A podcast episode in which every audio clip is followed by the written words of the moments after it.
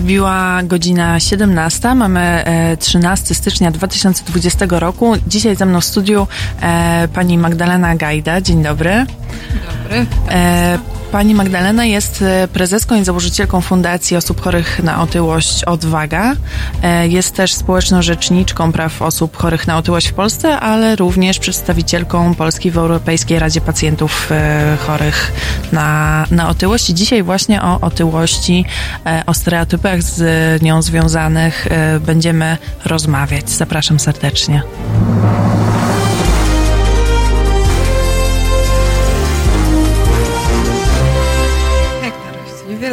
Powiedziałam. E, ale, ale zaraz będziemy mówić. No, domyślam się. E, tak. Chciałam zacząć od takiej kwestii, e, ponieważ często się kojarzy e, osoby chorujące na otyłość e, z tym, że e, znaczy jest takie społeczne postrzeganie, że na pewno te osoby są leniwe, że jakby chciały, to by coś zmieniły, że powinny, nie wiem, mniej jeść, więcej ćwiczyć.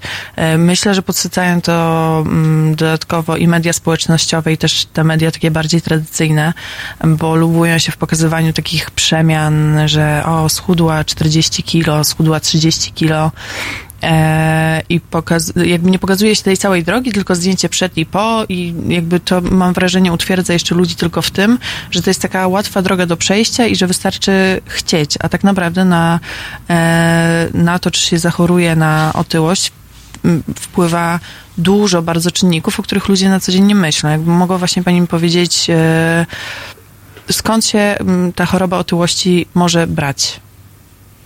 Tak się zastanawiam, z której strony, mówiąc kolokwialnie, ugryźć to pani pytanie, dlatego że pojawiło się w niewiele kwestii, ale może na początek leciutkie e, sprostowanie, ponieważ koledzy z Europy by mi nie darowali.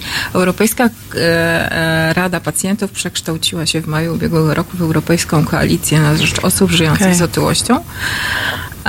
Bardzo polecamy naszą stronę, która niedługo, która niedługo zostanie stworzona.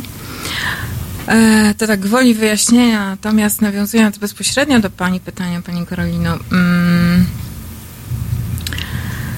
w dzisiejszych czasach twierdzenie, że otyłość nie jest chorobą, wierzy się tylko i wyłącznie zaniedbania żywieniowego, czy też zaniedbania aktywności ruchowej, to jest anachronizm. To tak jakby twierdzić, że Ziemia jest płaska, a Kopernik mhm. była kobietą.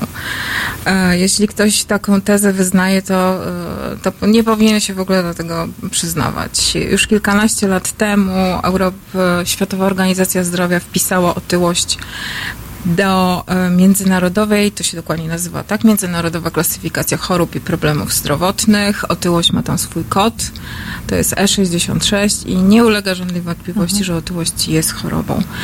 Jakie czynniki doprowadzają do, do powstania choroby otyłości? My niedawno na e, nawiązując do social mediów, na naszym Facebooku opublikowaliśmy taką bardzo prostą infografikę, która mm, pokazuje 12 głównych przyczyn e, choroby otyłości. Mhm. Mówimy o tych, tutaj o przyczynach tak zwanych indywidualnych, czyli jak, takich jak genetyka, epigenetyka, świadomość choroby, sposób odżywiania, aktywność ruchowa, stres, sen, odporność organizmu, wiele, wiele innych czynników, ale mówimy też tutaj o czynnikach e, jakby środowiskowych spoza a na które nie do końca pacjent ma wpływ, mhm. bo mówimy tutaj o, e, o tym, w jaki sposób e, są zachowane tradycje e, rodzinne, jeśli chodzi o sposób odżywiania czy spędzania aktywności ruchowej. Mówimy tutaj o miejscu pracy i sposobie postrzegania osób chorych na otyłość w miejscu pracy. Mówimy tutaj o biznesie, mówimy tutaj o przemyśle spożywczym i wielu, wielu innych czynnikach. Ja ja mm, gorąco zapraszam do zapoznania się z tą infografiką, bo ona naprawdę w bardzo prosty sposób pokazuje te wszystkie czynniki. Mówi się wśród badaczy choroby otyłości, że w tej chwili, gdybyśmy jeszcze głową mieli wymieniać, to jest ich około 50, a wciąż są odnajdywane nowe. Więc jakby w dzisiejszych czasach powiedzieć, że osoba z otyłością jest gruba, używając normalnego przymiotnika, tylko dlatego, że za mało, za dużo jej, za mało się rusza, jest niebywale niesprawiedliwe. Mhm. Ja tutaj się też powołam na na słowa pani profesor Magdaleny Olszaneckiej-Glianowicz, która jest prezesem, a prezeską, przepraszam, Polskiego Towarzystwa Badań nad Otyłością, która mówi wprost, w dziewięciu przypadkach na dziesięć chory na otyłość nie jest winien swojej choroby. Mhm. Ale um, czy mimo wszystko zdarza się pani słyszeć właśnie takie, bo um, jak widzę na przykład jakieś e, teksty dotyczące otyłości i wchodzę w tą nieszczęsną sekcję komentarzy, która w internecie wiadomo jaka jest, to właśnie tego typu komentarze się pojawiają. No to trzeba mniej jeść, trzeba, trzeba się wziąć e, za siebie. Czy pani też się z tym e, spotyka, czy jednak m, mm, widzi pani, że coś się zmieniło na przykład w ostatnich latach? Y, nie przeprowadzaliśmy badań na ten temat, bo to było najlepiej, gdybym Państwu przedstawiła badanie, jak to się zmieniło od kiedy powstała Fundacja Odwaga, czyli od 2014 roku. Ja mogę powiedzieć inaczej. Takie komentarze pojawiają się i pewnie jeszcze bardzo długo będą się pojawiać. Pamiętajmy, proszę Państwa, że my walczymy z, ze stereotypami i mitami, które narosły wokół otyłości przez całe setki lat. Mhm. Naprawdę. Począwszy od postrzegania otyłości jako e, symbolu pewnego statusu społecznego, pewnego symbolu zawodowego, a, a e, skończywszy na jednym z grzechów głównych, czyli e, nieumiarkowanie w jedzeniu i piciu. No i teraz jakby wytłumaczyć społeczności nie tylko w Polsce, ale też na całym świecie, że ta współczesna otyłość, z którą mamy do czynienia, jest czymś zupełnie innym, jest czymś zupełnie inną chorobą, którą mieliśmy do czynienia jeszcze 50 czy 60 lat, lat temu. Jest niebywale trudno. I myślę, że zmiana świadomości to jest, y, to jest najtrudniejsze zadanie i ono będzie jeszcze trwało. Czy ja te mhm. komentarze czytam? Powiem tak. Na początku czytałam wszystkie i się bardzo denerwowałam, w związku z tym przestałam je czytać. Mhm. Niejednokrotnie były to nie tylko komentarze dotyczące w ogóle osób chorych na otyłość, ale również mnie samej i tego, w jaki sposób się wypowiadam. W związku z tym ja przestałam to czytać, żeby zachować mm, pewną równowagę psychiczną. Równowagę psychiczną, tak nazwijmy to. Jestem osobą wykształconą, jestem dziennikarzem, zajmuję się tematyką zdrowotną. E, swojej funkcji nie pełnię dlatego, że ją sobie wymyśliłam, tylko dlatego, że zostałam poproszona przez gremium pod tytułem Eksperci Polskiego Towarzystwa Badań nad Otyłością. Moje wypowiedzi są monitorowane, więc ja naprawdę wiem, o czym mówię, a to wszystko potwierdzają badania. Natomiast my zaobserwowaliśmy e, jedno zjawisko, które nas bardzo ucieszyło. E, otóż e, na początku działalności fundacji otrzymywaliśmy bardzo dużo próśb e, właśnie dotyczących mediów, i to i, czy to tradycyjnych, mhm. czy, czy internetowych, z prośbą o, o jakby zapoznanie się z jakimiś materiałami, sprawdzenie ich pod kątem tego, czy zawierają elementy dyskryminacyjne, stygmatyzacyjne, etc. i ewentualnie poproszenie o usunięcie jej z przestrzeni medialnej. E, tych spraw było na początku bardzo dużo. I ku naszemu, e, ku naszej radości redakcje, jeśli wskazaliśmy i argumentowaliśmy, dlaczego e, nie powinni w ten sposób pisać o, o, o otyłości czy o osobach chorych na otyłość, bądź też ich pokazywać na ilustracjach, zdjęciach, mhm. obrazkach, infografikach, to zazwyczaj się przychylały do naszej opinii i usuwały z przestrzeni medialnej te teksty bądź też ilustracje. Po pewnym czasie z, zrobiło się tego tak dużo, że przestaliśmy jakby monitorować już do końca rynek medialny, bo nie jesteśmy w stanie te, te, no. tego zrobić. Ale zauważyliśmy, że jakby wiele spraw zaczyna się rozgrywać poza nami, że ludzie sami zaczynają reagować. I e, no chyba najbardziej mnie osobiście ucieszyło to, co się działo po nie wiem, czy Państwo pamiętacie, w ubiegłym roku jedna z firm outdoorowych e, wypuściła prace swoje konkursowe na przystankach e, komunikacji miejskiej pojawiły się plakaty, które w jawny sposób dyskryminowały nie tylko osoby chore na otyłość, ale w ogóle osoby z zaburzeniami odżywiania. E, i, I to piekło, które się rozpętało w social mediach i, i z prawdziwą naprawdę radością i dumą też czytałam komentarze, w których się pojawiało, jak się nie zgadzasz z tym, to mhm.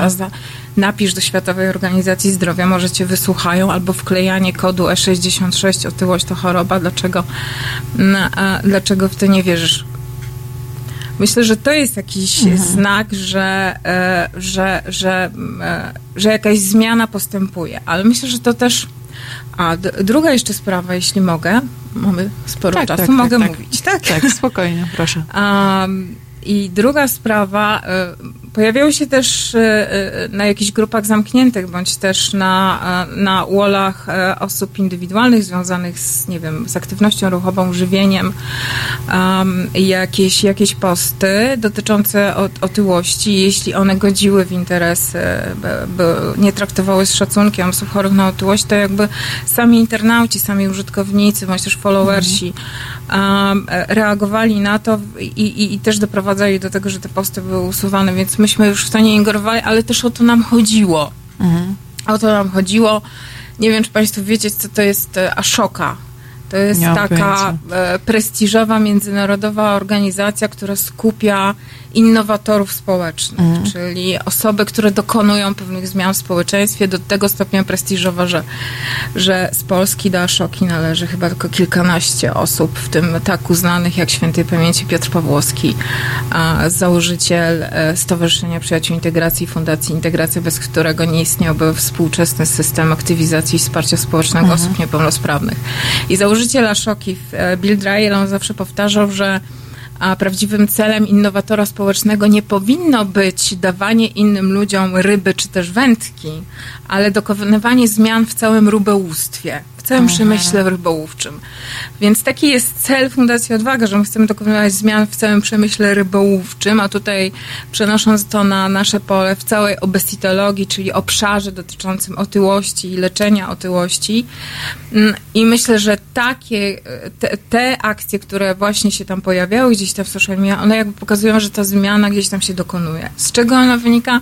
Moim zdaniem, Nigdy na ten temat badań też nie przeprowadzono, ale moim zdaniem to jest tak, że choroba otyłości jest tak powszechna, jest tak blisko nas. Jeżeli w Polsce na 39 tak, milionów obywateli mhm. 22 miliony osób ma nadmierną masę ciała, w tych, w tym 22 milionach już jest 7 milionów osób chorych na otyłość, no to nie czarujmy się, to otyłość jest gdzieś blisko nas. Jeżeli nie ojciec, matka, siostra, brat, mąż, żona, partner, partnerka, e, no to przyjaciółka, kolega z pracy, ona jest gdzieś blisko nas i my widzimy, że, e, że jakby pozbyć się tej choroby nie jest tak prosto. Mhm. Albo mamy z tym do czynienia na co dzień i sami się borykamy, bo, bo ta choroba jest gdzieś blisko nas w rodzinie, albo gdzieś tam dalej, ale obserwujemy to, że to nie jest takie proste, że to nie wystarczy zamknąć lodówkę na klucz i, i zrobić kilka y, przebieżek dookoła, nie wiem, Puszczy Kampinoskiej, mhm. prawda? I od razu będzie lepiej, zrzucimy parę kilo. Więc ja myślę, że ludzie zaczynają rozumieć, że to nie jest tak łatwo wyleczyć się w tej chwili z otyłości. Mhm. Tym bardziej, że nawiązując do tego, co mówią o tych czynnikach, one nigdy, to nie jest tak, że one występują pojedynczo, mhm. tylko one zazwyczaj u każdej osoby to jest kilka albo kilkanaście naraz, więc jakby zdiagnozowanie u każdego pacjenta oddzielnie, skąd się wzięła choroba otyłości i teraz ustalenie jakiegoś planu leczenia jest naprawdę dużym wyzwaniem. Mhm.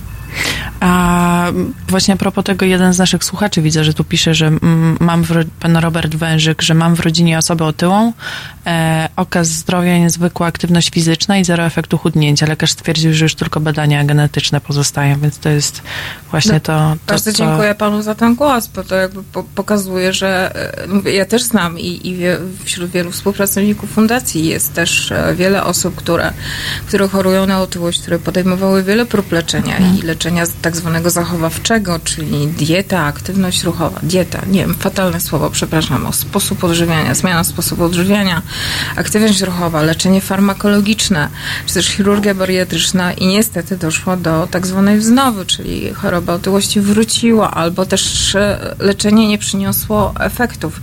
No niestety... Mm, E, nie pocieszę Państwa, nie ma leku na otyłość i nie ma metody e, takiej leczenia otyłości, która by raz na zawsze nas tej choroby pozbawiła. Są metody wspierające redukcję masy ciała czyli mhm. tej nadmiernej tkanki tłuszczowej, która jest objawem naszej choroby. Ale jeśli już dojdzie do tej redukcji, no to my musimy się nauczyć jako pacjenci kontrolowania, monitorowania tej swojej choroby, tak jak każdej choroby przewlekłej, tak jak, nie wiem, nadczynności, niedoczynności, tarczycy, cukrzycy typu drugiego, etc., mhm. etc. Musimy się po prostu nauczyć to kontrolować, ale żyjemy z nią do, do, do końca życia. Ja jestem 8 lat po, po operacji bariatrycznej. Yy, schudłam ponad 75 kilo, ale każdy, e, każdy kilogram e, więcej, e, zwłaszcza w okresie jesienno-zimowym, kiedy, kiedy no nie ruszam się tak, tak wiele, kiedy jak, jak mhm. wiosną czy latem, to zawsze mi się zapala już czerwone światełko, że o Boże, to znowu wróciło i co, co, co ja, co tu trzeba zrobić, z kim się teraz mhm. konsultować, bo może, bo może trzeba coś zmienić. No tak, to jest... Yy tak podejrzewam, coś, co gdzieś tam ciągle jest po prostu e, z tyłu głowy. Mm, za chwilę rozwiniemy jeszcze ten temat, a teraz The Clash i London Calling. Halo Radio. Nazywam się Tomasz Sekielski. Często od moich widzów, słuchaczy, czytelników słyszę, że brakuje w Polsce medium obywatelskiego. Medium, które na poważnie traktowałoby swoich odbiorców. Medium, z którym odbiorcy mieliby kontakt. Medium, które reagowałoby na to, co myślą, co mówią, co piszą, co robią jego odbiorcy. Teraz jest szansa, aby takie medium powstało. Wbijajcie na Patronite'a, a tam odszukajcie profil Fundacji Obywatelskiej. Możecie wpłacić pieniądze, bo ta fundacja pracuje nad stworzeniem nowego medium. Medium obywatelskiego. Radia z wizją. Ja też będę w tym projekcie. www.halo.radio ukośnik SOS.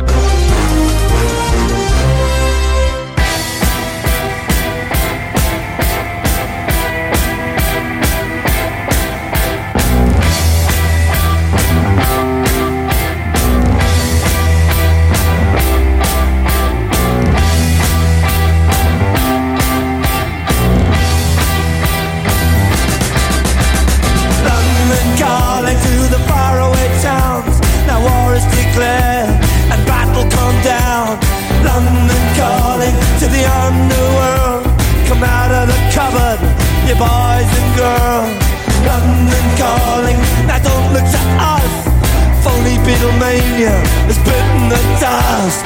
London calling, see we ain't got no swing except for the rain and the crunch of thing. The ice is coming, the sun's zooming in. Meltdown expected, the wheat is good in. Engines stop running, but I have no fear, cause London is drowning. I live by the river to the imitation zone brother, you can go it alone. London calling to the zombies of death. Quit holding out and draw another breath. London calling, and I don't wanna shout. But while we were talking, I saw you nodding out. London calling, see, we ain't got no hide, except for that one with the yellowy eyes. The ice is just coming, the sun's zooming in. Engines stop running, the wheat is going thick. A nuclear error, but I have no fear, cause London is drowning out.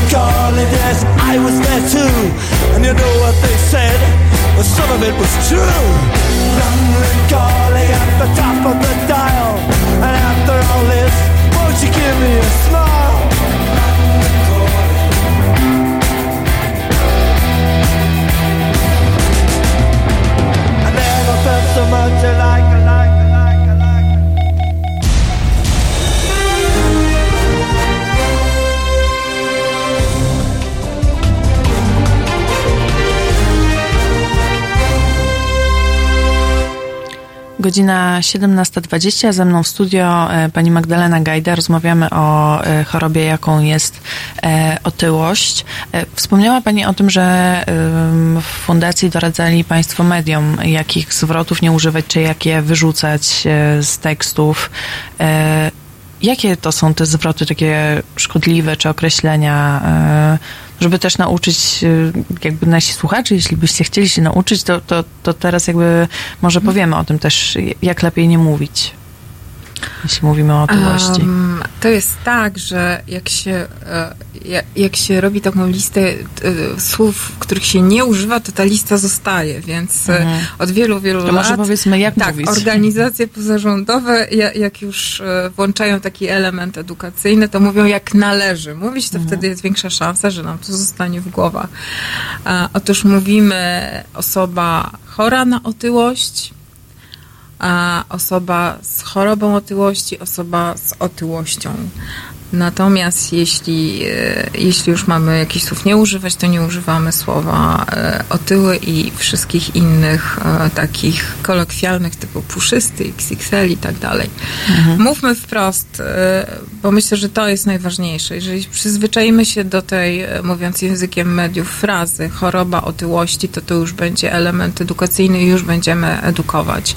Tak samo jak z, z postępowaniem, a tak samo, przepraszam, jak z pokazywaniem osób chorych na otyłość. E, pamiętam, że jeszcze dwa lata temu, jak przeprowadzałam taki, taki eksperyment na warsztatach, prowadzimy również warsztaty autorskie, takie antydyskryminacyjne dla dla instytucji publicznych, dla, dla firm komercyjnych, które, które są jakoś związane z rynkiem, bądź też, bądź też wśród tych klientów znajdują się osoby chore na otyłość, dla organizacji pozarządowych. Mm, I jak prowadziłam takie warsztaty, to prosiłam o przeprowadzenie takiego eksperymentu, włączenie telefonów, smartfonów, wystukanie jakiejś wyszukiwarki, w tej wyszukiwarce frazę otyłość i e, e, spojrzenie na zakładkę mhm. grafiki. No i tam się pokazywały grafiki E, e, ilustracje pokazujące osoby z otyłością, e, z jedzeniem oczywiście niezdrowym, zazwyczaj z jakimiś hamburgerami, chipsami i tak dalej, i tak w jakichś niezbyt dla nich komfortowych sytuacjach, ośmieszające,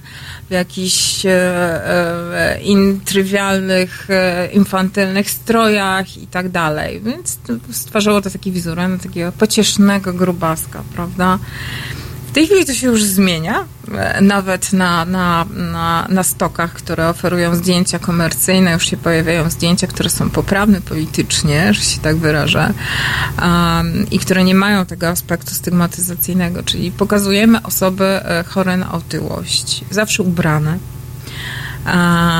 w codziennych sytuacjach życiowych, e, osoby zadbane, energiczne, i tak dalej, i tak dalej. Więc e, myślę, że to są jakby podstawowe, podstawowe mhm. wytyczne. Nie, nie, nie stosujemy żadnych najazdów na, na te części ciała, które wiadomo, że u osób chorych na otyłość e, ze względu na nagromadzenie tkanki tłuszczowej są zdecydowanie większe, czyli na e, pośladki, uda, mhm. brzuch i tak dalej, chyba że a są to prezentacje medyczne i mają jakieś swoje uzasadnienie, natomiast tutaj jeśli chodzi o media, no to to nie jest uzasadnione absolutnie. No tak. E, też, też jak pani powiedziała o tym, że właśnie osoba z otyłością, czy osoba chorująca na otyłość, to mi się też przypomina taką, ta, taka rozmowa, rozmawiałam kiedyś z panią e, z niepełnosprawnością e, z, z, kolei i ona też mówiła, że woli właśnie, żeby mówić osoba z niepełnosprawnością, a nie osoba niepełnosprawna, bo jeśli mówi się e, osoba nie, niepełnosprawna, to tak jakby to była jedyna cecha, przez którą się ją definiuje. A jeśli jest to z, to to jest jakby coś obok, co no nie jest główną definiującą cechą danej, danej, danej osoby, bo ona ma mnóstwo innych cech i nie trzeba patrzeć tylko tak przez, e, przez ten jeden pryzmat. Dotknęła Pani sedna, zresztą to wynika z konwencji Organizacji Narodów Zjednoczonych o prawach osób niepełnosprawnych, więc tutaj nie odkryliśmy żadnej Ameryki, mówiąc kolokwialnie, tylko to słownictwo zostało dostosowane i ono jest stosowane i w całej Europie i na, na całym świecie. Mm, e, otyłość jest jednym z elementów, który mnie definiuje jako człowieka, ale tych elementów jest wiele więcej. Jestem dziennikarzem, PR-owcem, e, lubię czytać książki, e, lubię rajdy samochodowe i wiele, wiele innych rzeczy. Otyłość jest jednym tylko z aspektów, to o czym mówiła pani rozmówczyni. My wyszliśmy troszeczkę, troszeczkę dalej, dlatego że w przypadku choroby otyłości jest, jest potrzebna ciągła edukacja i powtarzanie tej frazy chory na otyłość, chory na otyłość. Jest jeszcze jedna fraza, z którą ja osobiście również jako dziennikarz mam niebywały problem.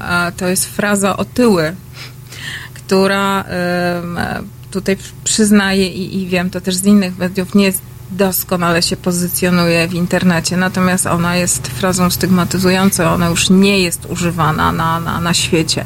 No my mamy nadal z nią problem, więc tutaj uczulam, że tam, gdzie nie trzeba, tam, gdzie są materiały nieprodukowane pod SEO, więc poprosiłabym o tej frazy nie używać, tylko używać jednak sformułowania e, chory na otyłość, mhm. osoba z otyłością.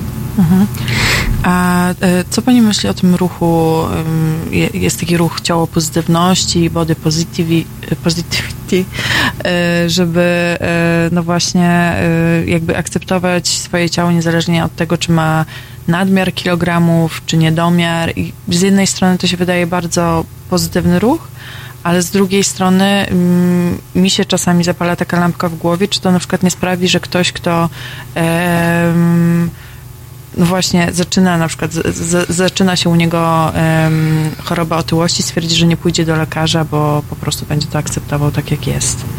Zastanawiam, czy nie ma takiego ryzyka w przypadku tego rodzaju e, ruchów.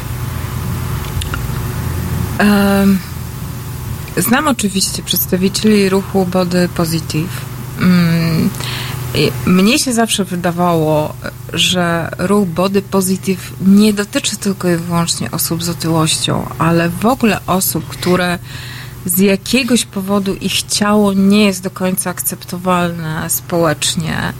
I mówimy tutaj o osobach, nie wiem, począwszy od osób niepełnosprawnych, mm. po amputacjach wszelkiego rodzaju z wadami wrodzonymi rąk, nóg, a, a skończywszy, nie wiem, na osobach, e, które mają dużo tatuaży, e, piercingu i tak dalej, więc e, zawsze sądziłam, że, że ten ruch dotyczy właśnie jakiejś szerszej społeczności, mhm. nie tylko osób chorych na otyłość. Jeśli chodzi o ruch body positive, zgadzamy się co do tego, że bez względu na to, ile ja noszę, noszę na sobie tkanki tłuszczowej, jestem człowiekiem i z tego powodu mhm. należy mi się szacunek. A, czy, czy to jest jakaś forma usprawiedliwienia? Może nie usprawiedliwienia, tyle że. Um bo, bo to, że akceptujemy siebie i swoje ciało takim, jakim jest, to jest no właśnie super pozytywne, ale e, żeby też nie odciągało uwagi od tego, że czasem e, pewnymi rzeczami, pewne rzeczy po prostu warto na przykład skonsultować z lekarzem, żebyśmy jakoś nie poszli o krok gdzieś. Myślę, że tak, że tutaj jakby kluczowa jest ta świadomość, skąd ta. Mm, no bo w naszym przypadku tym miernikiem jest nadmierna ilość tkanki tłuszczowej, prawda? I, i musimy mieć świadomość, że bez względu na to, czy, y, że, czy tego nadmiaru jest 5 cm, czy, czy, czy więcej, czy mamy lekką nadwagę, czy mamy, e, czy, czy chorujemy na otyłość trzeciego stopnia, tak zwaną otyłość olbrzymią, to ta tkanka tłuszczowa, ten jej nadmiar jest objawem jakiejś choroby. I myślę, że to jest jakby kluczowa świadomość tego, że podobnie jak e, e, przy grypie jest wysoka gorączka, tak przy otyłości e, tym objawem jest nadmiar tkanki tłuszczowej.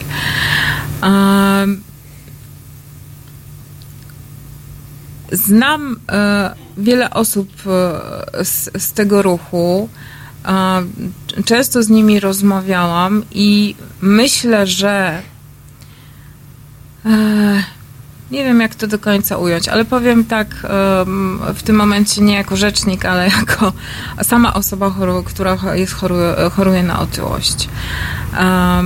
ja miałam w swoim życiu różne okresy, wzloty i upadki, choruję na otyłość od dzieciństwa właściwie um, jakąś um, udało mi się okiełnać chorobę dopiero jakieś 8 lat temu. I wiem, że podejmowałam niezliczoną ilość prób przez te 40 lat swojego życia i, i, i, zaliczyłam wszystko, co można było zaliczyć i, i wszelkiego rodzaju diety odchudzające i, a Boże, i trenowałam badmintona i, i chodziłam na zabiegi akupunktury, akupresury, hipnozy, e, piłam e, mieszanki ziołowe, a, Boże, już nie pamiętam, co, co jeszcze. I w którymś momencie powiedziałam, nie, no okej, okay, no basta. No, skoro nic nie jestem w stanie z tym zrobić, no to muszę się nauczyć z tym żyć, ale skoro ja nie jestem w stanie z tym zrobić, skoro lekarz mi nie może, nie może pomóc, a, no to nadal jestem człowiekiem i nadal na ten szacunek za, zasługuję. E, rozumiem osoby, do czego zmierzam. Rozumiem osoby, które podejmowały próby leczenia otyłości mhm. i te próby się nie udały. Dlatego szukają a, jakiegoś swojego miejsca po prostu. Miejsca, w którym zostaną zrozumiane. A wracając do początku naszej rozmowy, choroba otyłości jest tak nieprzewidywalna. A u jednej osoby ta terapia zadziała, u innej nie zadziała, więc... Y, ja nie mam absolutnie e, nic do ruchu body positive. Uważam, że, że jest potrzebny, ale powinien włączyć ten element edukacji, że mm, mimo wszystko ta tkanka tłuszczowa jest objawem jakiejś choroby i powinniśmy sprawdzić, z czego to, z czego ta choroba wynika. Mhm. Okay. E, zaraz do rozmowy wracamy. Ja przypominam e, tym z Państwa, którzy dopiero e, co do nas dołączyli, a chcieliby posłuchać całości, że jesteśmy dostępni e, i na Spotify, i na Apple Podcast, i na Google Podcast, no, właściwie na większości platform podcastowych. Mogą też Państwo do nas dzwonić, żeby podzielić się swoimi refleksjami albo zadać jakieś pytania. Numer to 22 39 059 22 serdecznie zachęcam do e, kontaktu, a już teraz posłucham utworu Thank You.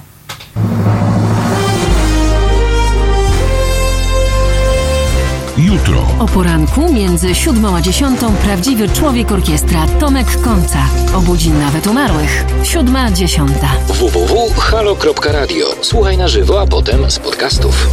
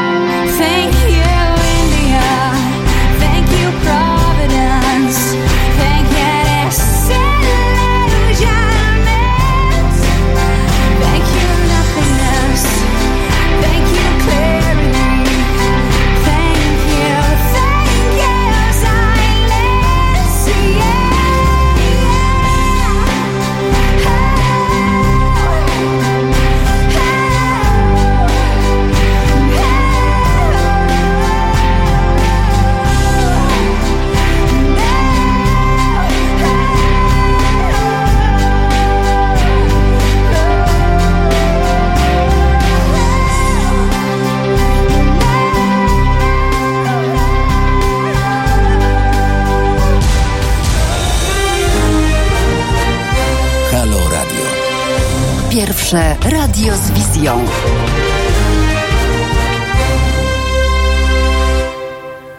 Siedemnasta trzydzieści siedem, e, trzynasty stycznia dwa tysiące dwudziestego roku przy mikrofonie Karolina Rogaska, ze mną w studio pani Magdalena Gajda. E, rozmawiamy o e, chorobie otyłości. Może teraz przejdźmy do kwestii samego leczenia i lekarzy. Czy lekarze, jak to, jak wygląda po pierwsze proces leczenia, jak, jak się można leczyć, ale też czy lekarze mają wystarczająco dużą, e, dużą wiedzę, bo gdzieś w którymś wywiadzie pani powiedziała, że e, tylko 8% lekarzy w ogóle wie, czym jest otyłość. Nie wiem, czy to się jakoś zmieniło od tego czasu, ale to y, jakby brzmi zatrważająco. No spuściłam głowę, bo chciałam przekazać jakieś lepsze informacje dla Państwa, ale tutaj właściwie nic się nie zmieniło. A, a, proszę Państwa, y, obesitologia, czyli jakby obszar leczenia otyłości na całym świecie zmierza w dwóch kierunkach. Pierwszy to jest taki, że kolejne państwa, również europejskie, a, wydają pewnego rodzaju glejt. Uznają prawnie otyłość za chorobę, a tym samym zobowiązują się do włączenia osób chorych na otyłość do istniejącego już systemu opieki zdrowotnej i wsparcia społecznego. A drugi trend to jest taki, że e, no właśnie, już bardzo dawno skończył się czas profilaktyki wszystkie działania profilaktyczne, które były wdrożone, albo bardziej systemowe, albo mniej systemowe, indywidualne, e, mniej grupowe, bardziej, bardziej restrykcyjne i mniej restrykcyjne, bardziej desperackie i mniej desperackie, e, one nie przynoszą żadnych efektów. Po, pomimo ich wprowadzenia e, liczba osób chorych na otyłość nie tylko w Polsce, ale na całym świecie stale rośnie tej chwili to jest jakieś 650 milionów ludzi, więc zaczął się stanowczo czas leczenia. I drugi trend, jaki jest, to jest wprowadzanie do, do systemu opieki zdrowotnej specjalizacji lekarza obesitologa, czyli specjalisty leczenia mhm. nadwagi i otyłości. No, u nas jest z tym kiepsko. My od pięciu lat, od kiedy tylko powstała Fundacja Odwaga, jeszcze wcześniej Polskie Towarzystwo Badań nad Otyłością cały czas monituje w Ministerstwie Zdrowia i apeluje o, o, to, żeby, żeby wprowadzić tą specjalizację w Polsce. No powiem tak, obesitologa wprowadziła nawet biedna Rumunia, a my jeszcze nie. I chcąc zapewnić zapełnić w jakiś sposób tą, tą lukę. Polskie Towarzystwo Badań nad Otyłością uruchomiło dwa lata temu, czy na początku, tak, dwa lata temu, ogólnopolski program certyfikacji PTBO. Mm, program polega na tym, że jest to system szkoleń e-learningowych dla lekarzy podstawowej opieki zdrowotnej i innych specjalności powiązanych z chorobą otyłości, czyli na przykład diabetologów, mhm. kardiologów, ortopedów, etc., etc., system szkoleń, który ma właśnie pokazywać jakby przekazywać im e, informacje na temat tego, czym jest choroba otyłości we współczesnym ujęciu i jak się ją powinno leczyć. Bo w takim prawidłowym porządku rzeczy, jeśli chodzi o leczenie otyłości, powinno być tak. Jestem sobie pacjentem, jestem sobie e, człowiekiem, przepraszam, pojawia mi się nagle e, nadwaga, jakaś e, widzę, że tych kilogramów zaczyna przybywać, to już powinnam pójść nie szukać, przepraszam, po internetach jakichś diet cud, cudownych specyfików, Aha. nie daj Panie Boże, nielegalnych środków odchudzających i tak dalej, i tak dalej.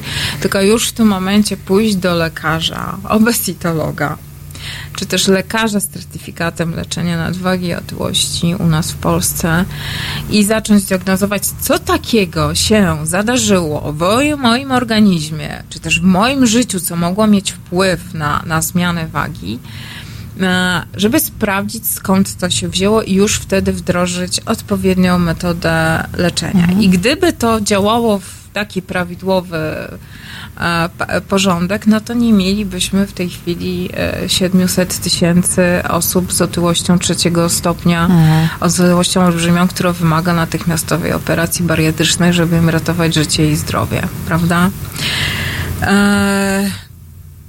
Ta specja, te szkolenia certyfikacyjne cieszą się dosyć dużą popularnością wśród lekarzy, więc ja podejrzewam, że e, lekarze sami widzą, że mają tak dużo pacjentów, że chcą zdobywać wiedzę na ten temat. Wiedzę, którą niestety, ale uczelnie medyczne nie dostarczają e, obecnie.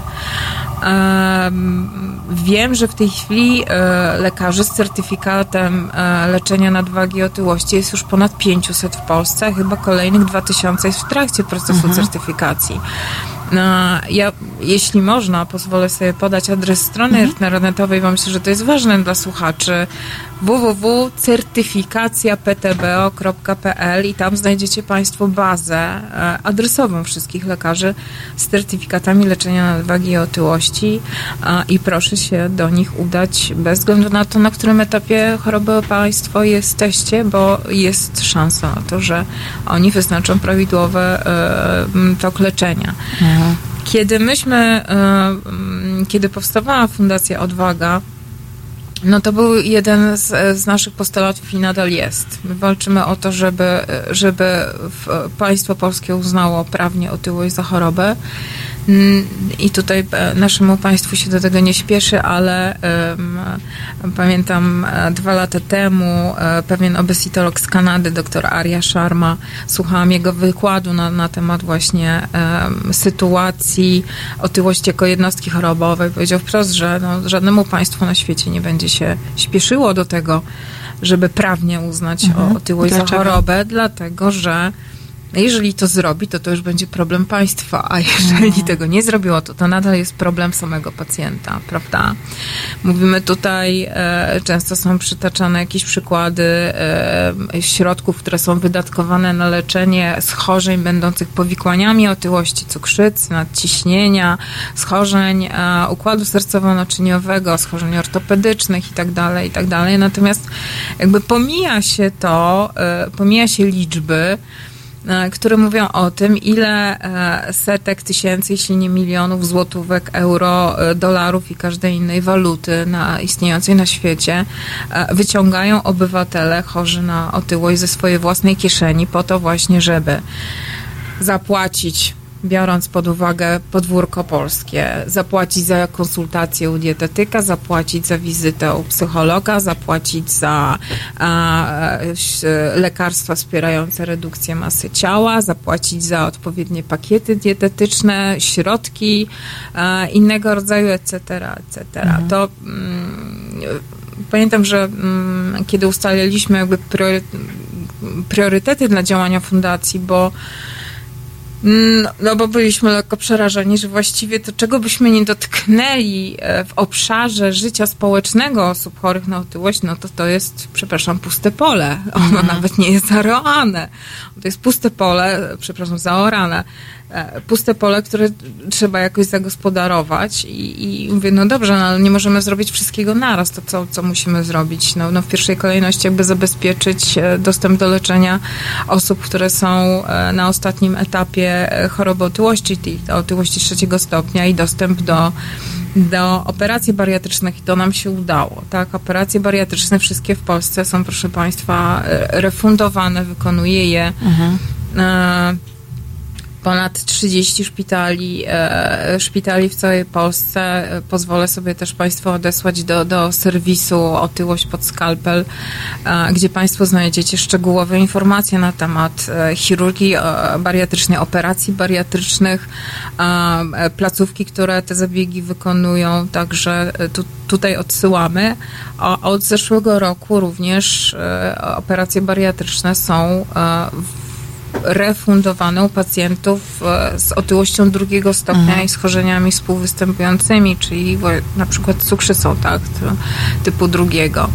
Więc jest to jakieś osiągnięcie. No teraz walczymy o jakiś system skoordynowanej opieki nad pacjentami bariatrycznymi. Natomiast tutaj, e, no, ku naszemu ubolewaniu nadal walczymy o wprowadzenie specjalizacji obesitologa um, zazdroszczę i, i, zgłosiłam, i złożyłam gratulacje koleżan, kolegom i koleżankom z Włoch, bo w listopadzie parlament włoski jednogłośnie przyjął ustawę o prawnym uznaniu otyłości za chorobę.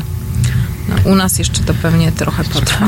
Czekamy, tym bardziej, że tak jak pani mówi, to no, państwo też w fundacji zaczynali właściwie od takich kwestii po prostu ratujących życie ludzi, bo to, bo to o to się rozchodzi w tym, e, e, w tym trzecim e, stopniu otyłości, że to już jest kwestia walki o życie. No. Zaczynaliśmy tak naprawdę od zera. Mhm. No, po prostu od zera. Ja zawsze dokonywam takiego porównania, że jeśli chodzi właśnie o aspekty edukacyjne tego, w jaki sposób się leczy nowocześnie i rzetelnie, bezpiecznie otyłość, czym ona jest, jak są postrzegane osoby z, z otyłością, to jesteśmy na etapie takim jak 25 lat temu osoby z niepełnosprawnością intelektualną, które mm. dopiero gdzieś tam e, e, wyciągaliśmy ich, prawda, z domów, e, żeby nakłanialiśmy rodziny, żeby się ich nie wstydziły, stworzyliśmy cały system aktywizacji zawodowej dla tych osób i teraz e, sformułowanie frazy o pośledzeniu umysłowym już tylko w orzeczeniach e, medycznych istnieje. Nikt nie śmie powiedzieć osoba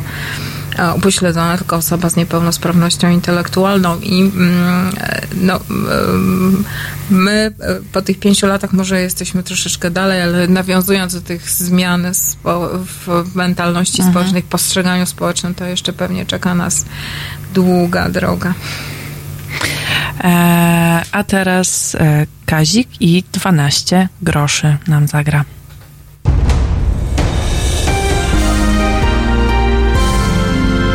Czwartek. Od 21 do 23 telefony od Państwa odbiera Roman Kurkiewicz. Rozmowa, dialog, zrozumienie i żadnej agresji. 21-23. Zapraszamy. www.halo.radio. Słuchaj na żywo, a potem z podcastów.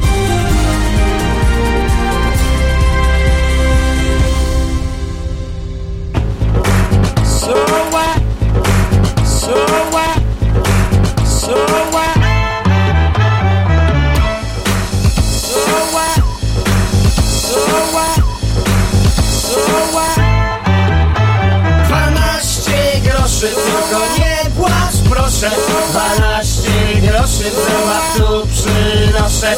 12 groszy, tylko nie płacz proszę. 12 groszy zębach tu przynoszę. 12 groszy, tylko nie płacz proszę. 12 groszy zębach tu przynoszę.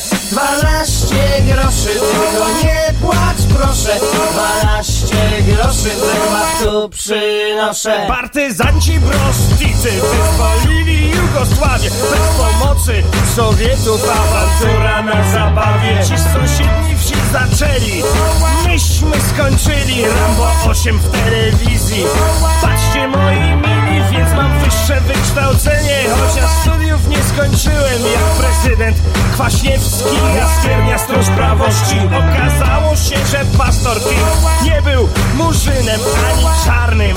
On był afroamerykaninem. 12 groszy, tylko nie płacz proszę. 12 groszy zębach tu przynoszę. Jeden grosik dla sierot Nie mają ojca, matki Starochy i wariatki. Pakuj bolo, manatki Drugi grosik dla chudzinek. Nie jedzą kolacji Skredzi leżą pijani. Ja pakuję w ubikacji Trzeci grosik dla żołnierzy. Na straży macierzy Pruszków kontra Wołomin. Sędzia od obu bierze Czwarty grosik dla urzędu. Przeca żreć coś musi. Tata podbił oko na rocznicę. Mamusi nie prawica, nie liberał. Nawet żaden faszysta. Kowboj czacza to normalny komunista. Ameryka też się sypie To osobny rozdział. Bill Clinton palił trawę Ale się nie zaciągał. Dalej jazda do roboty.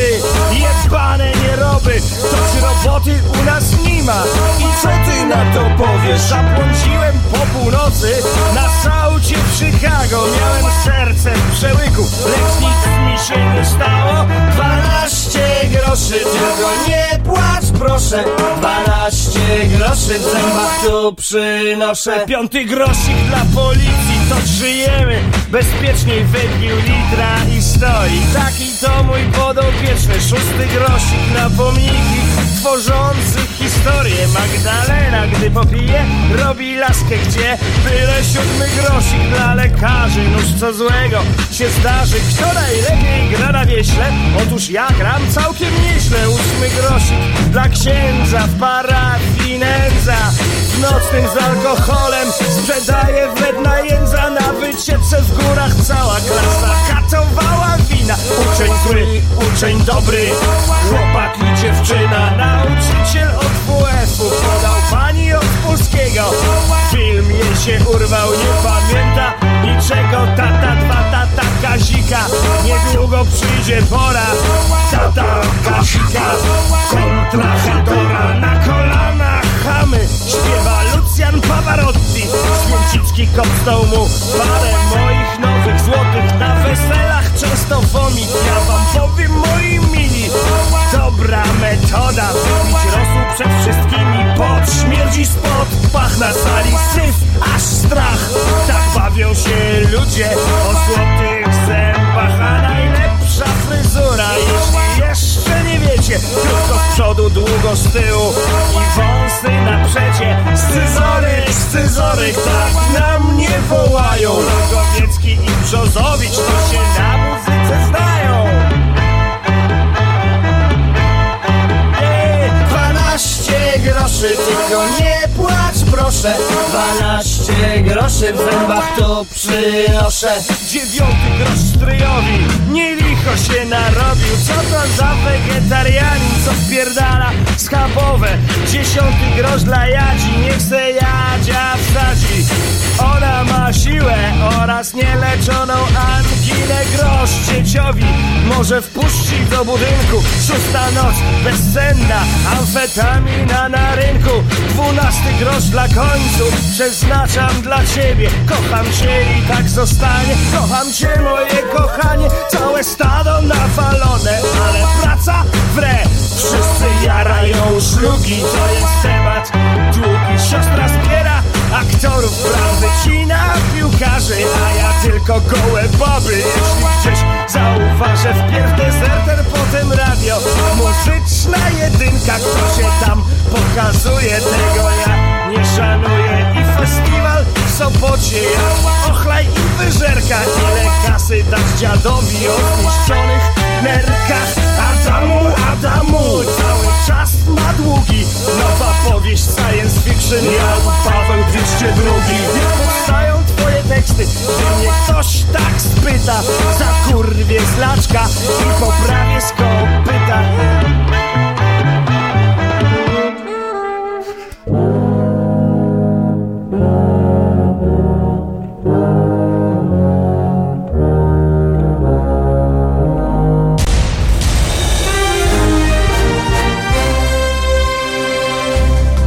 Halo Radio. Gadamy i trochę gramy.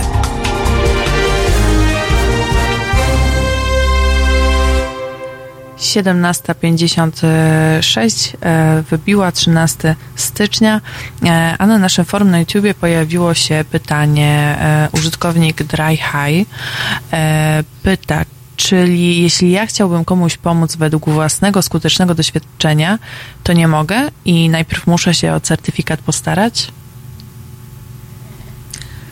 Bardzo interesujące pytanie i ja przyznaję, że e, czasem mnie to pytanie zadają. No, bo skoro pani tyle schudła, to dlaczego pani nie stworzy własnego programu odchudzania i pani nie będzie go propagować wśród osób chorych? I ja zawsze wtedy odpowiadam tak.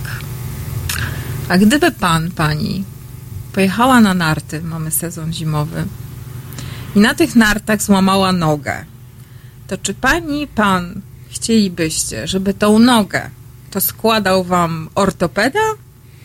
Czy też przyjaciel, o którym tylko wiecie to, że miał też złamaną nogę? Takie jest uzasadnienie. Otyłość jest chorobą, wracamy do podstawowej frazy, która tu się przewija i leczeniem otyłości mogą się zajmować tylko i wyłącznie osoby do tego uprawnione, a w pierwszej kolejności lekarze, którzy mają wiedzę na temat tego leczenia. Mhm. Nie wiemy, w jaki sposób metoda, którą pani, pan zastosował u siebie, wpłynie na zdrowie i życie innego człowieka. Pamiętajmy o tym, że to jest dokładnie tak samo jak z dietami wszelkiego rodzaju, że jeżeli u nas zadziała, to wcale nie ma gwarancji, że A, po pierwsze, zadziała u innego człowieka, B, czy przypadkiem nie zrobi mu krzywdy. Więc ostrożnie z takimi, e, z takimi planami. Tak, pamiętajmy, że każdy z nas jest e, indywidualną jednostką po prostu i, i się od siebie różnimy i różne rzeczy na nas e, różnie działają. A pozostając jeszcze mm, przy temacie leczenia właśnie, bo e, omówiliśmy już trochę e, to przygotowanie lekarzy, e, ale to nie jest jedyny, mm, jedyny problem. Przygotowanie, czy raczej brak tego przygotowania do, do leczenia osób z otyłością, ale też sprzęt jest problemem. Są mhm. dwie, dwie karetki bariatryczne na całą Polskę. Przepraszam, tak się poprawiłam na, na, na tym krześle. E, tak, rzeczywiście mamy e, jeden z e, głównych problemów, z którymi się spotykamy, to, to jest niedostosowanie placówek medycznych do, do e, diagnostyki, leczenia i, i opieki nad pacjentami z otyłością olbrzymią, czyli z otyłością trzeciego stopnia i z czymś, co my e, tutaj e, osoby działające w obszarze obesytologii nazywamy już otyłością skrajnie olbrzymią. Nieformalnie otyłością czwartego stopnia, czyli to są osoby, które ważą powyżej 150 kg. I tu jest problem e, zarówno w sprzęcie do diagnostyki podstawowej, czyli, czyli wagi bariatryczne, które mają zakres, e, zakres pomiaru powyżej 120 kg do 200-300 kg bo proszę mi wierzyć, że, że tacy pacjenci również są w Polsce. Najcięższy pacjent w Polsce według naszych informacji ważył 365 kg. Jeżeli mieliśmy podczas tych pięciu lat, e, sześciu już lat działalności fundacji kilkanaście zgłoszeń, e, informacji o pacjentach, którzy ważyli powyżej, powyżej 200 kg. No więc podstawowy sprzęt do, do, do, do, diagnostyki tej głównej, czyli wagi i ciśnieniomierza, ale też e, no, środki transportu do, do, do przewozu ty, tych chorych. E, mamy w całym kraju dwie karetki bariatryczne, tak zwane, czyli takie, które mogą przewozić pacjentów bezpiecznie do, do, do, do wagi 300 kg. Jedna jest w Krakowie, druga w Szczecinie, tak dla przeciwwagi. Mm, współpracujemy ściśle jako fundacja z Biurem Rzecznika Praw Pacjenta i od kilku lat e, Biuro Rzecznika Praw Pacjenta prowadzi e, taki coroczny monitoring placówek medycznych właśnie pod tym kątem dostosowania do potrzeb osób e, z otyłością olbrzymią i skrajnie olbrzymią.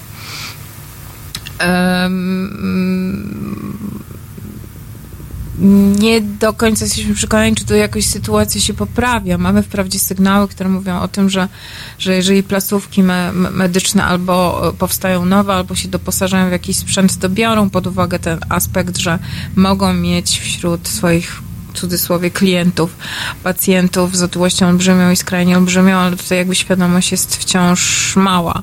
E, my też, pragnę Państwa uspokoić, nie, nie, nie, nie optujemy za tym, żeby wprowadzić jakiś nakaz doposażenia się każdej placówki w tego rodzaju sprzęt, mhm. raczej po prostu uwrażliwiamy menadżerów i osoby odpowiadające za zakupy, że jeżeli, jeżeli, jeżeli planujecie takie zakupy i planujecie kupić 20 ciśnieniomierzy na, na cały szpital, no to e, rozważcie, żeby wśród tych 20 ciśnieniomierzy były dwa ciśnieniomierze bariatryczne, które po pierwsze e, e, zmierzą dokładnie ciśnienie u pacjenta i będzie to wynik miarodajny, a po drugie nie zrobią mu krzywdy i nie robią siniaków. No.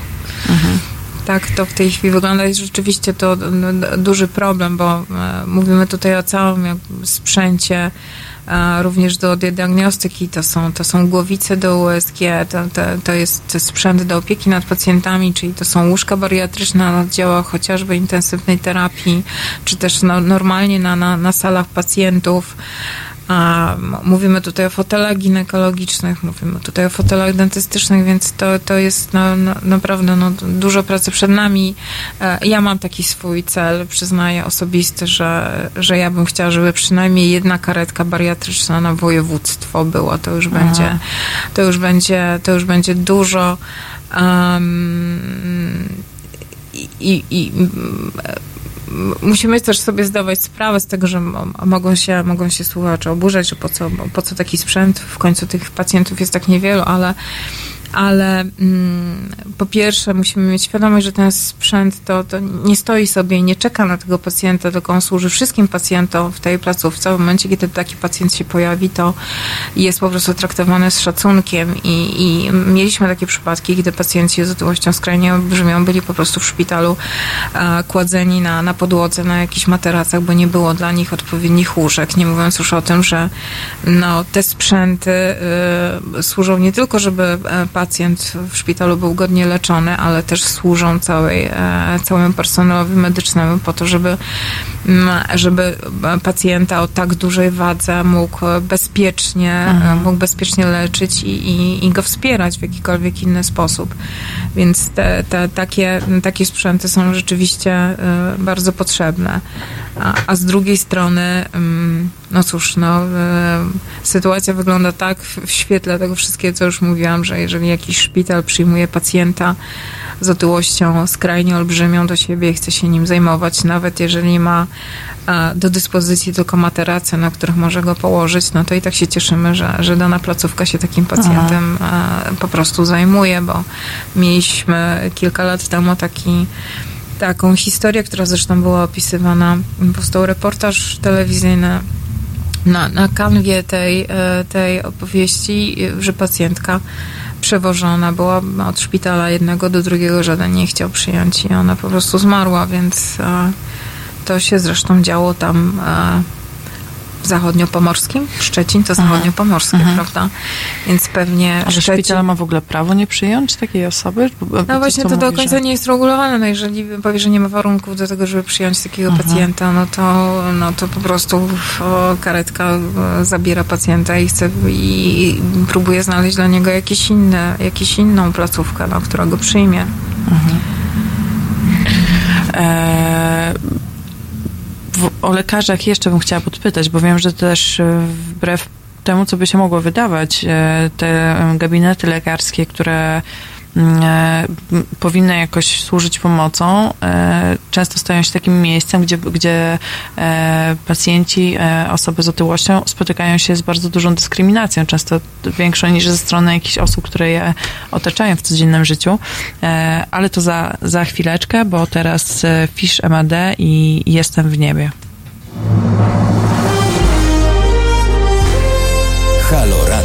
Witajcie z tej strony Adam Nergaldarski. Jestem w Halo Radio. To jedyny tego typu projekt w Polsce. Istnieje dzięki naszym wpłatom. Dlatego warto go wspierać. Powodzenia. www.halo.radio ukośnik SOS.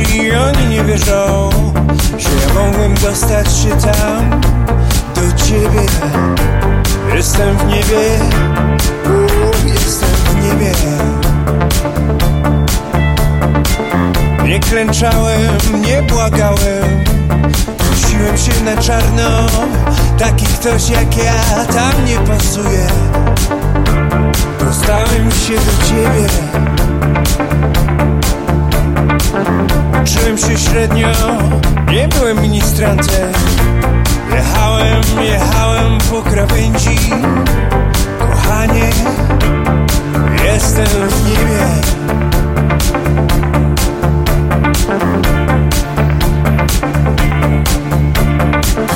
Oglądałem seriale, paliłem przed śniadaniem, paliłem przed zaśnięciem. Kochanie, jestem w niebie, jestem w niebie. Chodzę po łąkach, chodzę jak król.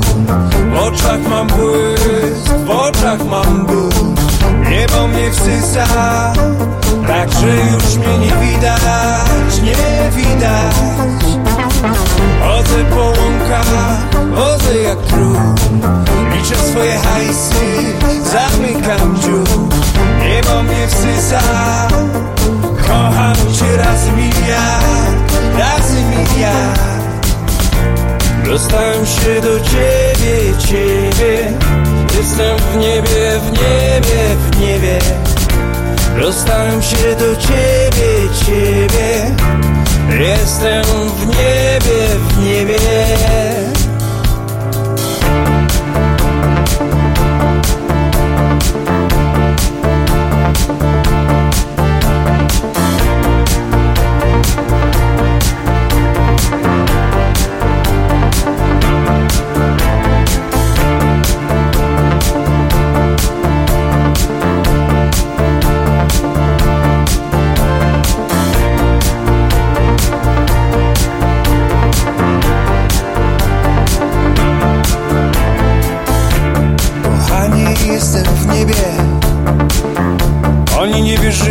oni nie wierzą, że ja mogłem dostać się tam do ciebie. Jestem w niebie, jestem w niebie. Nie uratowałem hostii, ale byłem ci wierny, choć tak po ludzku, złośliwy i wredny. Kochanie, jestem w niebie. Bijam wzrok w ziemię, niespokojne czasy. Ludzie dziwni, ludzie okrutni. Taki ktoś jak ja tu nie pasuje. Dostałem się do ciebie.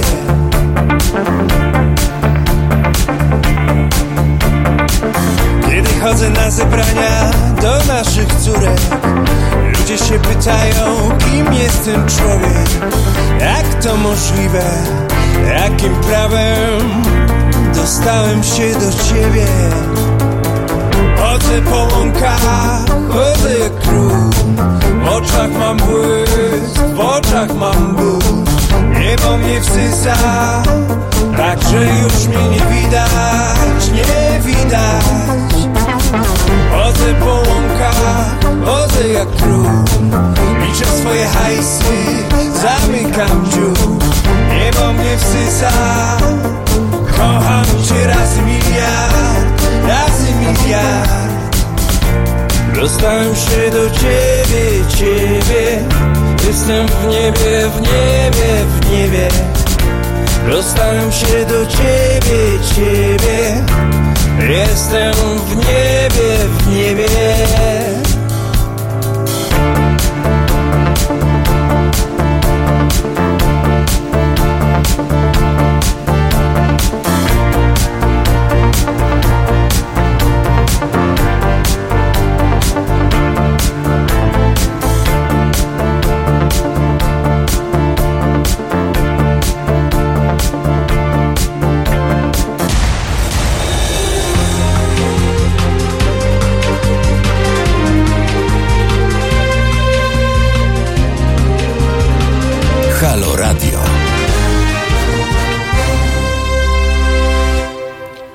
osiemnasta jedenaście e, Przy mikrofonie Karolina Rogaska, ze mną w studio e, Magdalena Gajda. Rozmawiamy o e, chorobie otyłości.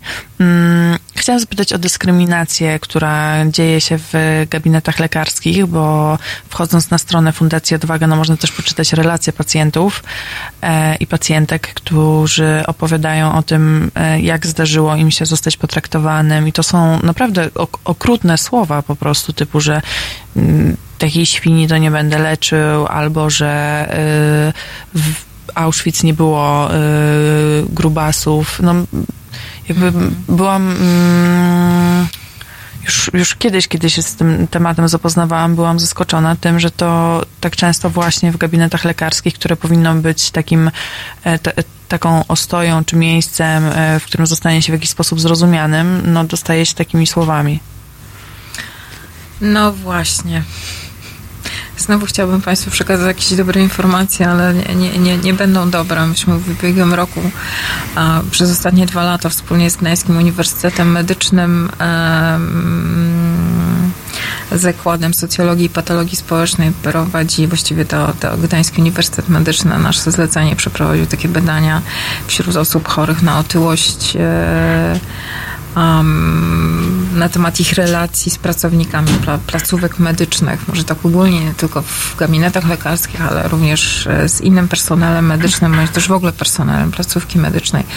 Wyniki tych badań e, będziemy publikować w marcu. Nie chciałabym tutaj wszystkich ujawnić, dlatego że, że to jest, e, nie, nie jesteśmy w tej akcji sami, tylko mamy również partnerów, ale no, niestety nie, nie wygląda to dobrze i, i tylko potwierdziło a, informacje, które do tej pory nam dostarczali pacjenci. Ja pamiętam, że kiedy zaczęli, zaczynaliśmy naszą działalność jako, jako fundacja, był zawsze taki zarzut, że, że no, publikując takie informacje, my się tylko i wyłącznie opieramy, wysuwając zarzut, że, że pacjenci są dyskryminowani, stygmatyzowani, pacjenci z otyłością w placówkach medycznych, my się opieramy i tylko i wyłącznie na, na opiniach pacjentów. Wiadomo, że do fundacji, do organizacji pozarządowej docierają tylko te pacjenci, którzy nie są zadowoleni, więc przeprowadziliśmy takie badania, żeby, żeby sprawdzić, jak to jest w rzeczywistości, no i e, no niestety te badania potwierdzają to, co informacje, które przysłali pacjenci. Chociaż no, przyznajemy, że tych informacji jest zdecydowanie rzeczywiście mniej niż było 6 lat temu, ale pewnie ma, mamy nadzieję, że to wynika z tego, że tak dużo się mówi o, o samej dyskryminacji i stygmatyzacji e, osób chorujących na otyłość, że, że, że pracowniki placówek medycznych jednak e, do nich te informacje też docierają, więc już bardziej wstrzemięźliwie Mm, mm, zwracają się, zachowują wobec osób chorych na otyłość. Te historie, które, które mamy opublikowane na naszej stronie są rzeczywiście, są rzeczywiście hardkorowe. Wstrząsające. I takich, z takiego mini badania fokusowego, które kiedyś przeprowadzaliśmy, to tak, rzeczywiście wynikało, że 8 pacjentów na, na, na 10 usłyszało od lekarza, w Oświęcimiu grubych nie było, bądź też coś, coś, coś podobnego, tak. Mhm. W tej chwili, e, tak jak mówię, e, no, sądząc po ilości, po ilości zgłoszeń do, do, do fundacji, um, no takich spraw jest zdecydowanie mniej, ale to też może wynika z tego, mamy nadzieję, że też wynika z tego, że sami pacjenci już inaczej reagują mhm. po prostu, bo zawsze nakłanialiśmy, skarżcie się, po prostu, skarżcie się do kierownika placówki medycznej wyżej, skarżcie się na zachowania lekarza, bo czy też pracownika a, a innego placówki medycznej, jeżeli w ten sposób was traktuje, bo nie ma absolutnie do tego prawa, tak jak wszyscy inni pacjenci w tym kraju macie prawo do poszanowania waszej godności i zwracania się w sposób godny i traktowania godnego. To zresztą jest e, na stronie Rzecznika Praw Pacjenta jedno z podstawowych praw i, i należy się na nie powoływać, mhm. niczego tutaj po prostu nie, nie obawiać. No właśnie, właśnie o to miałam pytać, co, co robić w takiej sytuacji, ale rozumiem, że to w formie jakiegoś e, najpierw, pisma do dyrekcji. E, przepraszam, najpierw porozmawiać z samym lekarzem, uzmysłowić mu, jeżeli, e, jeżeli sobie nie zdaje z tego sprawy, pielęgniarką, etc., e, każdym pracownikiem tutaj w placówce medycznej, jeśli, e, jeśli doświadczyliśmy czegoś takiego i uzmysłowić mu e, jakby jego negatywne zachowanie, w jaki sposób powinien się zachowywać. Jeżeli to nie, nie zdaje rezultatu, to po prostu zgłosić się do pracownika, przepraszam, do kierownika danej, danej placówki i zgłosić tak, taką sprawę. Jeżeli to też nie daje żadnego rezultatu, no to do Rzecznika Praw Pacjenta mhm. już pełną sprawę, pełne zgłoszenie, wniosek o, spra- o zbadanie sprawy i tak dalej. My zawsze jesteśmy za tym, żeby w pierwszej kolejności edukować, bo tylko nie chodzi o pieniactwo, przepraszam, i te, teraz zrobienie jest igły widły, e, tylko o tylko odpowiednie potraktowanie pacjenta.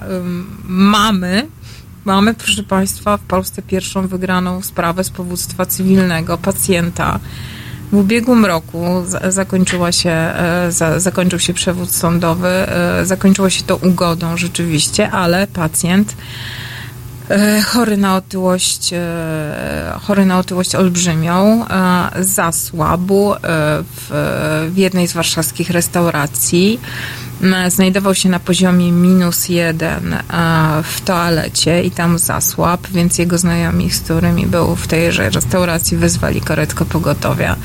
Karetka pogotowia e, przyjechała. Po pierwsze, nie chcieli w żaden sposób pacjenta wynieść z tego poziomu minus jeden, a kiedy już znajomi i, i obsługa restauracji pacjenta wyniosła, no to y, obsługa karetki, a pielęgniarka, która była w karetce, zaczęła obrzucać takie wyzwisk e, tego pacjenta. Pacjent świadomy swoich praw złożył e, wniosek e, z powództwa cywilnego o ukaranie tejże pani została ukarana.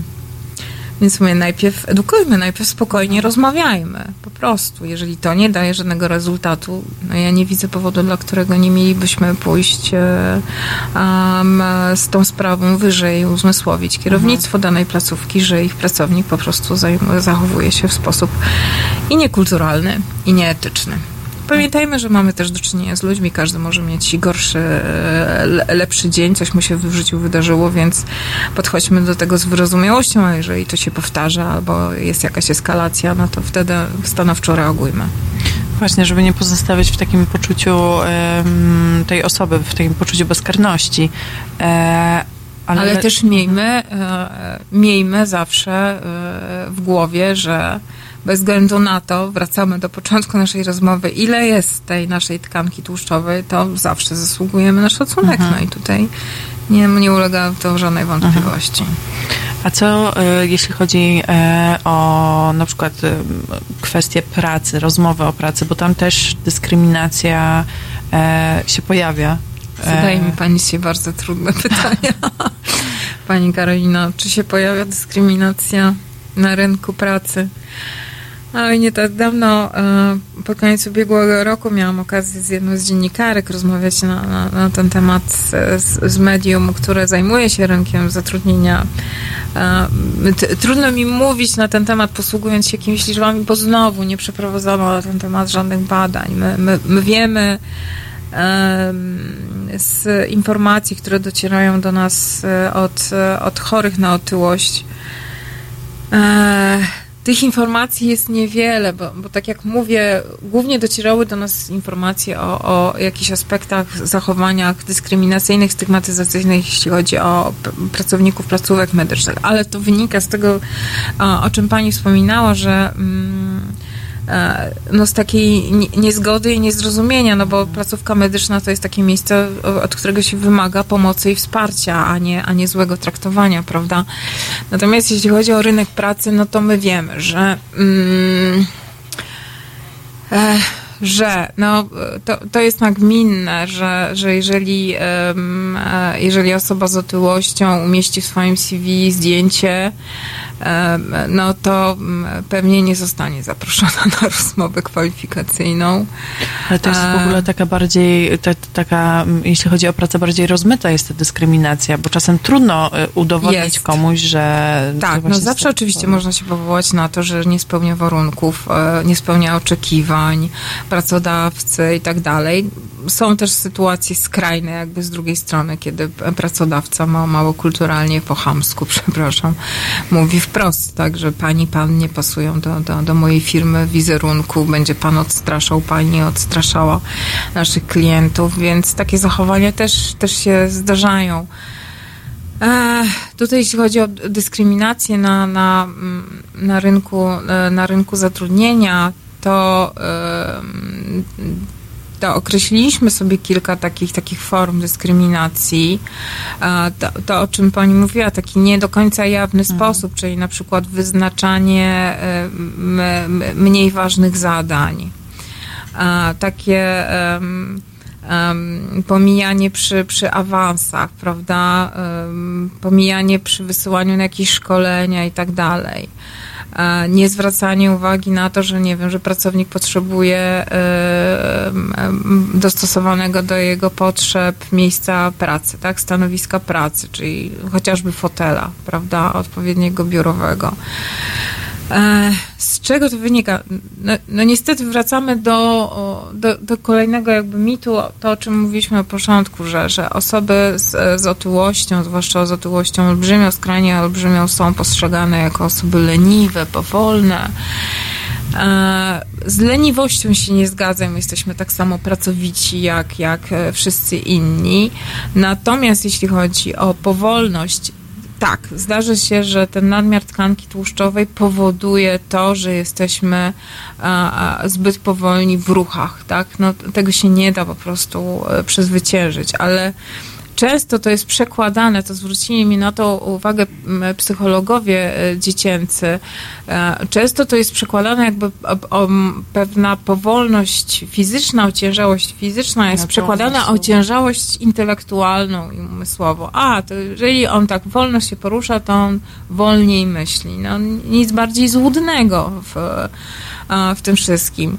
Pamiętam, że Brytyjczycy prowadzili nawet badania na, na, na ten temat wśród, wśród dzieci chorych na, na otyłość i jakby stosunku nauczycieli, pedagogów do, do, do, do ich choroby. Więc te dzieciaki już y, na tych pierwszych etapach edukacji one miały wyznaczane mniej e, jakby obciążające intelektualnie zadania, bo uważano, a to, jak on jest gruby, to on sobie z tym na pewno nie poradzi i tak dalej. Więc przepraszam, mówiąc kolokwialnie, miały przerąbane ci dzieciaki już po prostu na starcie edukacyjnym straszne. i to się no. potem mhm. przekłada, przekłada e, również na, na postrzeganie osób dorosłych.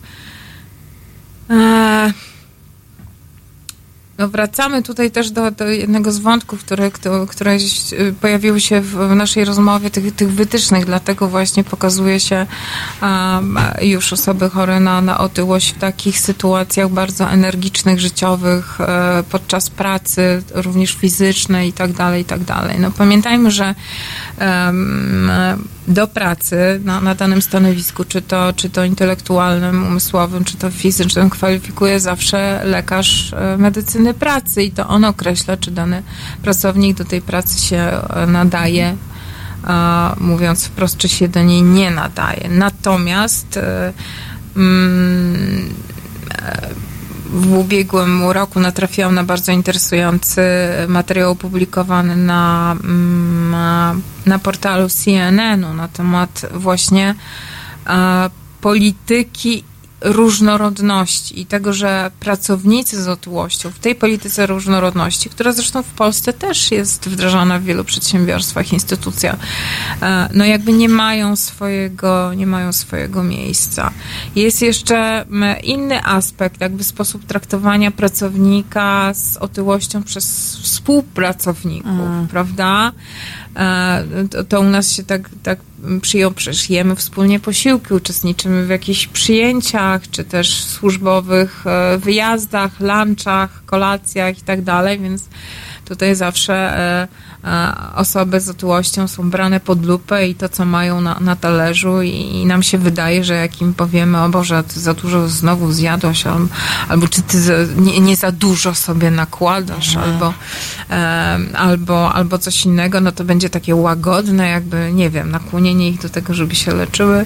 No nie, to jest właśnie przejaw stygmatyzacji. Z drugiej strony jest taki opór od samych e, osób chorych na, na otyłość, że E, że one w tym środowisku, w którym nie są akceptowane, również zawodowym, one też się mitygują i, i, i e, no i też nie zachowują się swobodnie, tak jak, tak mhm. tak jak normalnie. No jeśli czują, znaczy czują, też są obserwowane, na przykład to, ile mają na talerzu, to, to jakby nic dziwnego, że się nie czują swobodnie, bo ktoś im patrzy po prostu na każdy kęs, więc e, więc myślę, że to dość przejmujące tak. doświadczenie, kiedy Ale jest się tak... Z, drugiej strony, przepraszam, że pani przerwę, jeśli mogę. Mhm. Um, z drugiej strony jest taka, ta, taka tendencja w nadmiernej poprawności politycznej i już się nie raz spotykałam z tym, że jak jest jakaś konferencja, kongres, sympozjum, które dotyczy otyłości, no to tam nie uświadczy się po prostu niczego, co by chociaż w najmniejszym stopniu zakrawało na to, że to jest jakiś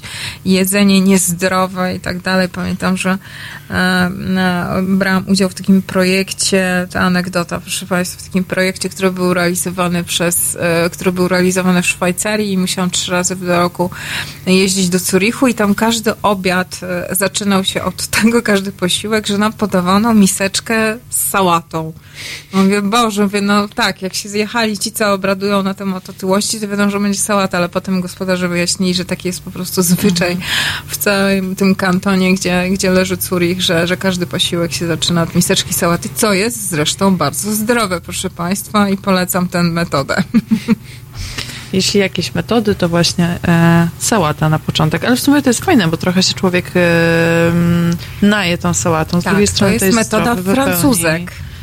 Drogie panie, tak, że zaczyna się od miseczki sałaty po to, żeby potem e, z tego głównego posiłku mniej zjeść, bo sałata już się zaczyna, e, zalega w żołądku, tam się rozkłada wszystkie włókna błonnikowe i tak dalej, więc trochę nam mniej wejdzie do żołądka. Okay. E, a teraz posłuchamy Everybody Hurts.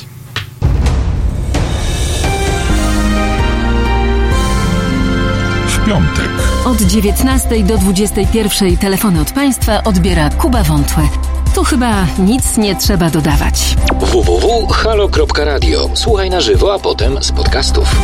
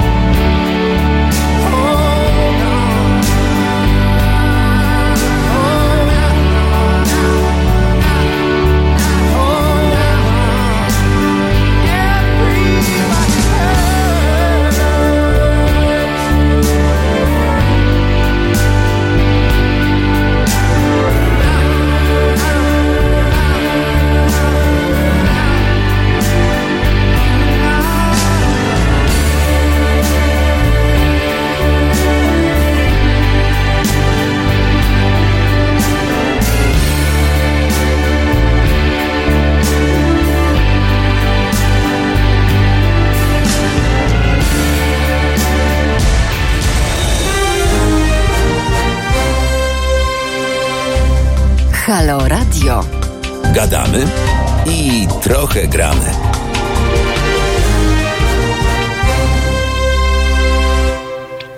Osiemnasta trzydzieści trzy, 13 stycznia 2020. Cały czas mam ochotę powiedzieć 2019. Jeszcze chyba będzie mnie to przez jakiś czas męczyło, jak zawsze w e, nowym roku. Ze mną w studio e, Magdalena Gajda. Rozmawiamy o e, osobach e, chorych na e, otyłość i w ogóle o chorobie otyłości. E, zanim przejdziemy dalej, to jeszcze Państwu przypomnę, że jeśli wejdą Państwo na halo.radio, to jest taka zakładka, e, czerwony napis e, wspieraj nas z wykrzyknikiem, można kliknąć, można wpłacać, do czego serdecznie zachęcam, ponieważ no, dzięki Państwu się rozwijamy i Państwo z nami to radio współtworzą. A teraz już wracamy do naszego tematu. No właśnie, było o, o dyskryminacji tej e, takiej w pracy i między innymi o tym, że e, na przykład osoby z otyłością głupio im jest e, jeść przy innych, że, że dziwnie się z tym czują, bo się czują e, obserwowane. Czy są jeszcze inne mm, tego rodzaju emocje czy przeżycia, z których e, osoby, które nigdy e, jakiegoś bliższego kontaktu z otyłością e, nie miały, sobie nie zdają sprawy, a warto, żeby na przykład o nich wiedziały.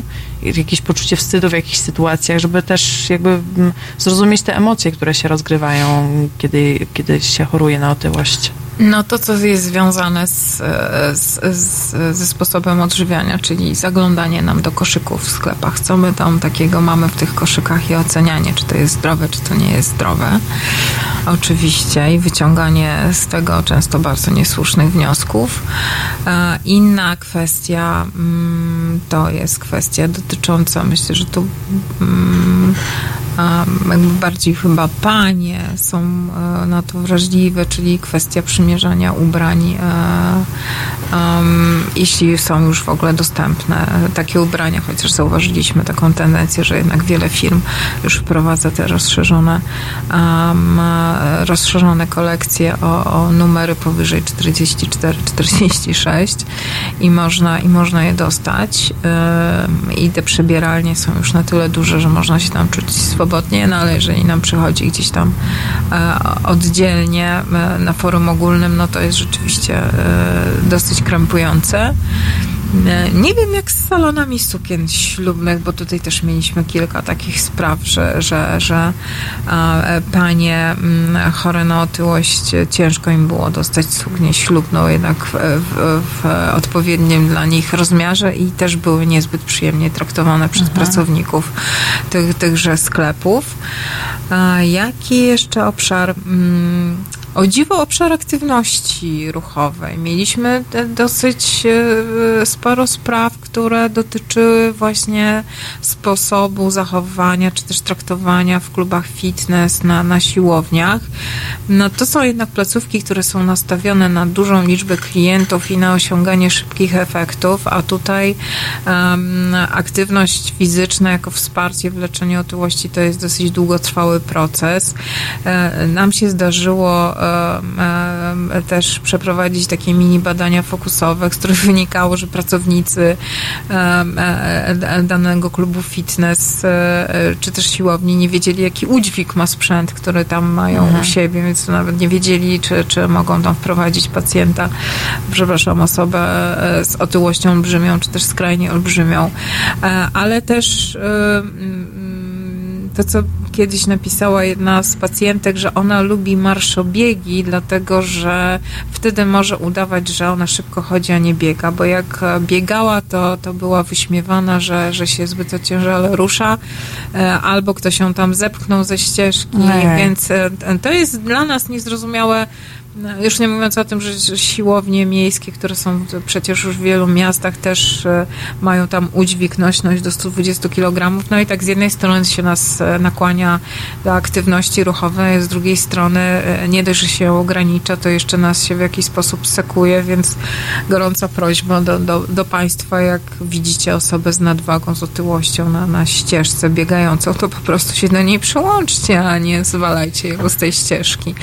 No to jest jedyna metoda. Należy ją tylko podziwiać, że ona mm, wyszła z domu, się odważyła e, do tego, żeby publicznie po prostu ćwiczyć. I myślę, że to są takie podstawowe. No, jedzenie tak w restauracjach, e, gdzieś tam na forum, czy jedzenie na ulicy. Ja pamiętam, przepraszam, że się odwołuję do swoich własnych e, doświadczeń, ale pamiętam, że dopiero jak schudłam, to po raz pierwszy coś zjadłam na ulicy, gdzieś tam w biegu i byłam przeszczęśliwa, że nikt nie zwraca na mnie uwagi. Ojej, ja mogę sobie tak iść chodnikiem i coś sobie jem i nikt nie zwraca uwagi na to, co ja jem i tylko dlatego, że jestem w miarę szczupła, prawda?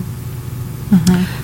Takie e, sytuacje myślę, że Ale to jest też w ogóle trochę mm, zaskakujące ta y, taka dwustronność ludzi, że właśnie to, o czym pani powiedziała, że z jednej strony mówią mniej jedz i więcej się ruszaj, e, a z drugiej strony tak łatwo im przychodzi po prostu takie hejtowanie e, osób, które chcą coś zrobić e, i, i, i no chcą ja coś zmienić. gorzej nazwa dwulicowością po hmm. prostu, no pewną hipokryzją w tym wszystkim, co robią. My mówimy tak, my, my, nie oczekujemy, że teraz wszyscy będą nas e, e, głaskać po pleckach, mówić o Boże, co wy jesteście biedni, bo wy jesteście chorzy. To nie o to chodzi.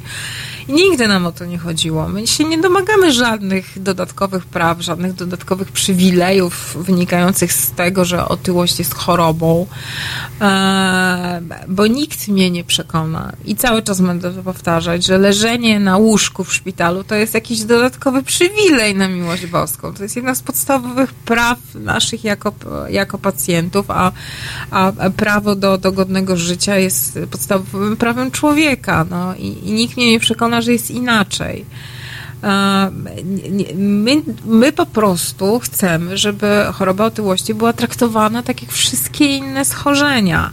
Bo to nie chodzi o to, żeby teraz komuś wytykać, e, czy na ulicy, czy w pracy, czy, czy na uczelni, czy, czy w rodzinie, w domu i tak dalej. Boże, ile ty znowu zjadłeś, wziąłbyś się za siebie, coś ty z siebie zrobiłaś i tak dalej. Bo we współczesnym świecie teraz, przy, przy, przy tym, co już wiemy o chorobie otyłości, powiedzieć osobie chorej na otyłość weź się za siebie, to tak jakby powiedzieć choremu na depresję weź się w garść. Właśnie o tym pomyślałam. No tak, to jest dokładnie to samo, proszę Państwa. Więc ja zachęcam e, do tego, żeby jeżeli macie już obok siebie, w pobliżu, e, wśród swoich znajomych, przyjaciół, rodziny, osobę, która ma nadwagę, która ma otyłość, to, to po prostu podejść do niej i powiedzieć, to jest choroba, to się leczy, czy ty wiesz o tym, czy potrzebujesz w tym jakiejś pomocy, znajdziemy lekarza, jeśli nie lekarza, to znajdziemy e, e, specjalistę do spraw żywienia, dietetyki. No zorientujmy się, jakie są możliwości. Ty nie rób niczego na rękę, bo ja widzę, że ty bierzesz jedną, trzecią, piątą, dziesiątą, dwudziestą piątą dietę i to nie przynosi żadnych, żadnych efektów. No. Więc o to chodzi. Traktujmy się po prostu normalnie, traktujmy otyłość jak każde inne schorzenie. No. Traktujmy się po ludzku, e, krótko się mówiąc. Ludzku. I tak jak sami byśmy chcieli e, być traktowani, to chyba taki najprostszy e, przepis na zachowywanie się. E, a teraz e, posłuchamy Manamu.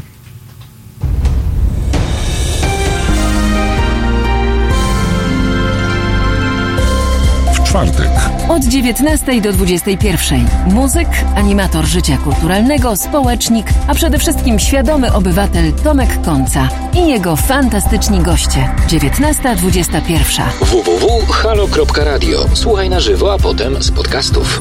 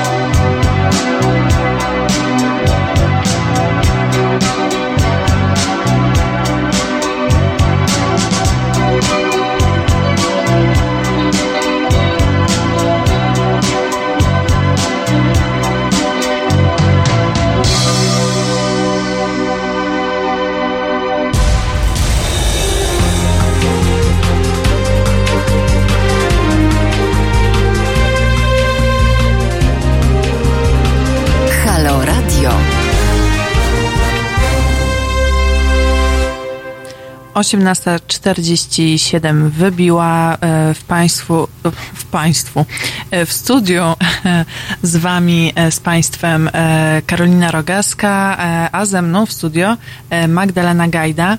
Mm, mamy ostatnie kilka minut audycji, więc może zapytam o to, bo już trochę, trochę Pani zaczęła o tym mówić, jak wspomagać osoby, które borykają się z otyłością, czyli między innymi powie, powiedzieć im, słuchaj, można iść do lekarza, można z tym sobie jakoś e, w jakiś sposób poradzić z profesjonalną pomocą. Co jeszcze możemy e, e, robić, jeśli widzimy, że ktoś e, nam bliski zaczyna chorować, czy boryka się z taką chorobą, albo po prostu kogoś takiego poznajemy?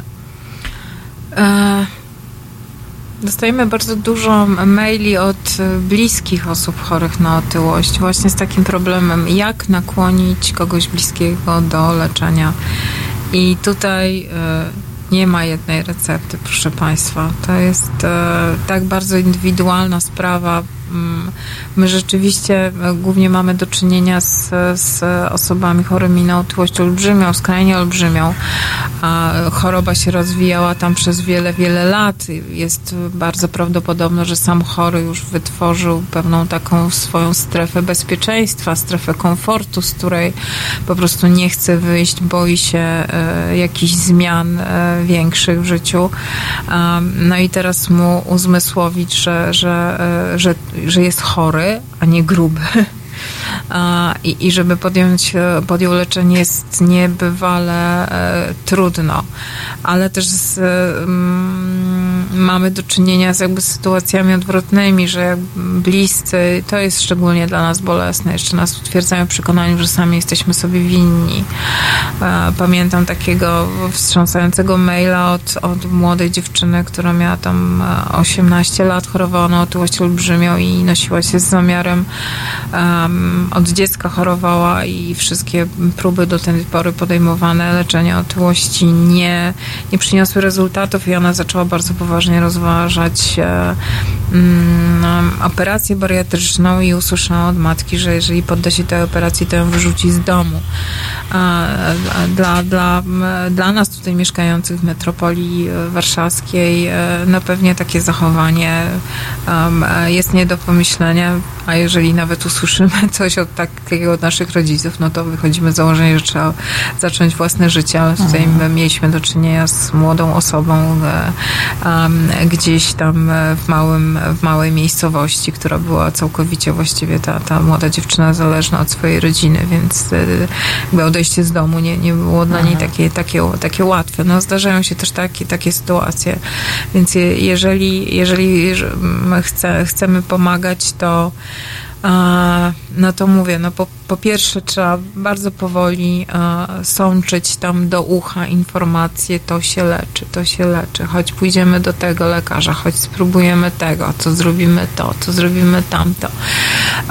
To jest też e, praca mm, dla całej rodziny bo to nie jest też tak, proszę Państwa, to, to e, zwłaszcza jest widoczne przy dzieciach i, nastolatkach e, chorych na otyłość, że to tylko e, dany pacjent z otyłością zmienia swój sposób odżywiania, swój styl życia i tak dalej, natomiast rodziny to, to nie dotyczy. To, to niestety w to leczenie musi się włączyć cała, cała rodzina i, to, i to, to nie może być tak, że dziecko dostaje do, do, do, do, do, do picia zioła zioła, herbatę, wodę i tak dalej, a, a jednocześnie tak, ktoś stawia butelkę napoju e, gasowanego na stole i, i, raczy się tym ca, cała rodzina. No to, to, jest, to, to jest ważne, żeby też rodzina przemyślała, że ona będzie się musiała włączyć w to, to leczenie i, i wspierać.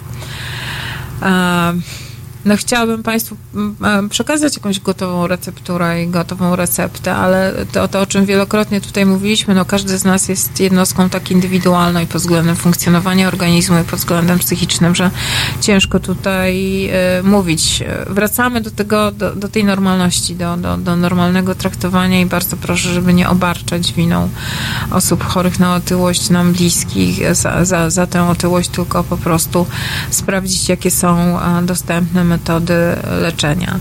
Mm, jeżeli chodzi o, o, mm, o osoby z otyłością olbrzymią, skrajnie olbrzymią, to tutaj od, od kilku dzia lat działa już taka bardzo fajna inicjatywa.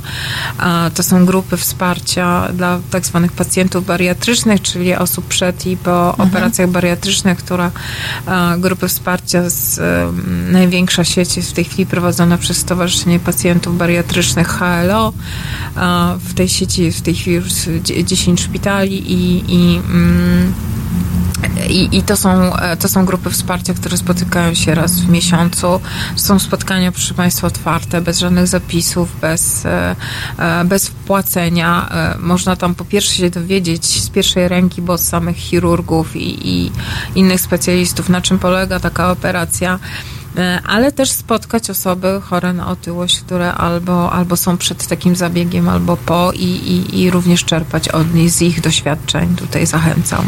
E, I do takich spotkań i też do tego właśnie nieobciążenia winą osób chorych za to, co się dzieje. E, serdecznie Państwa zachęcamy, ale też do poszerzania wiedzy.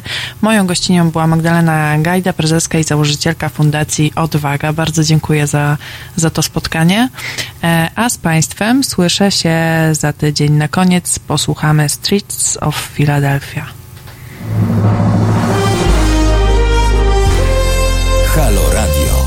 Kochani, e, bardzo gorąco chciałabym Was zachęcić do poparcia pewnej ważnej inicjatywy.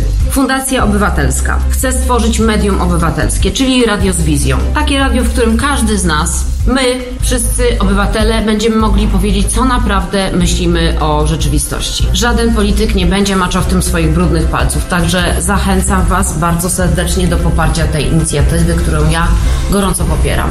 Niech powstanie medium publiczne. Pozdrawiam, Aleksandra Popławska. www.halo.radio ukośnik SOS.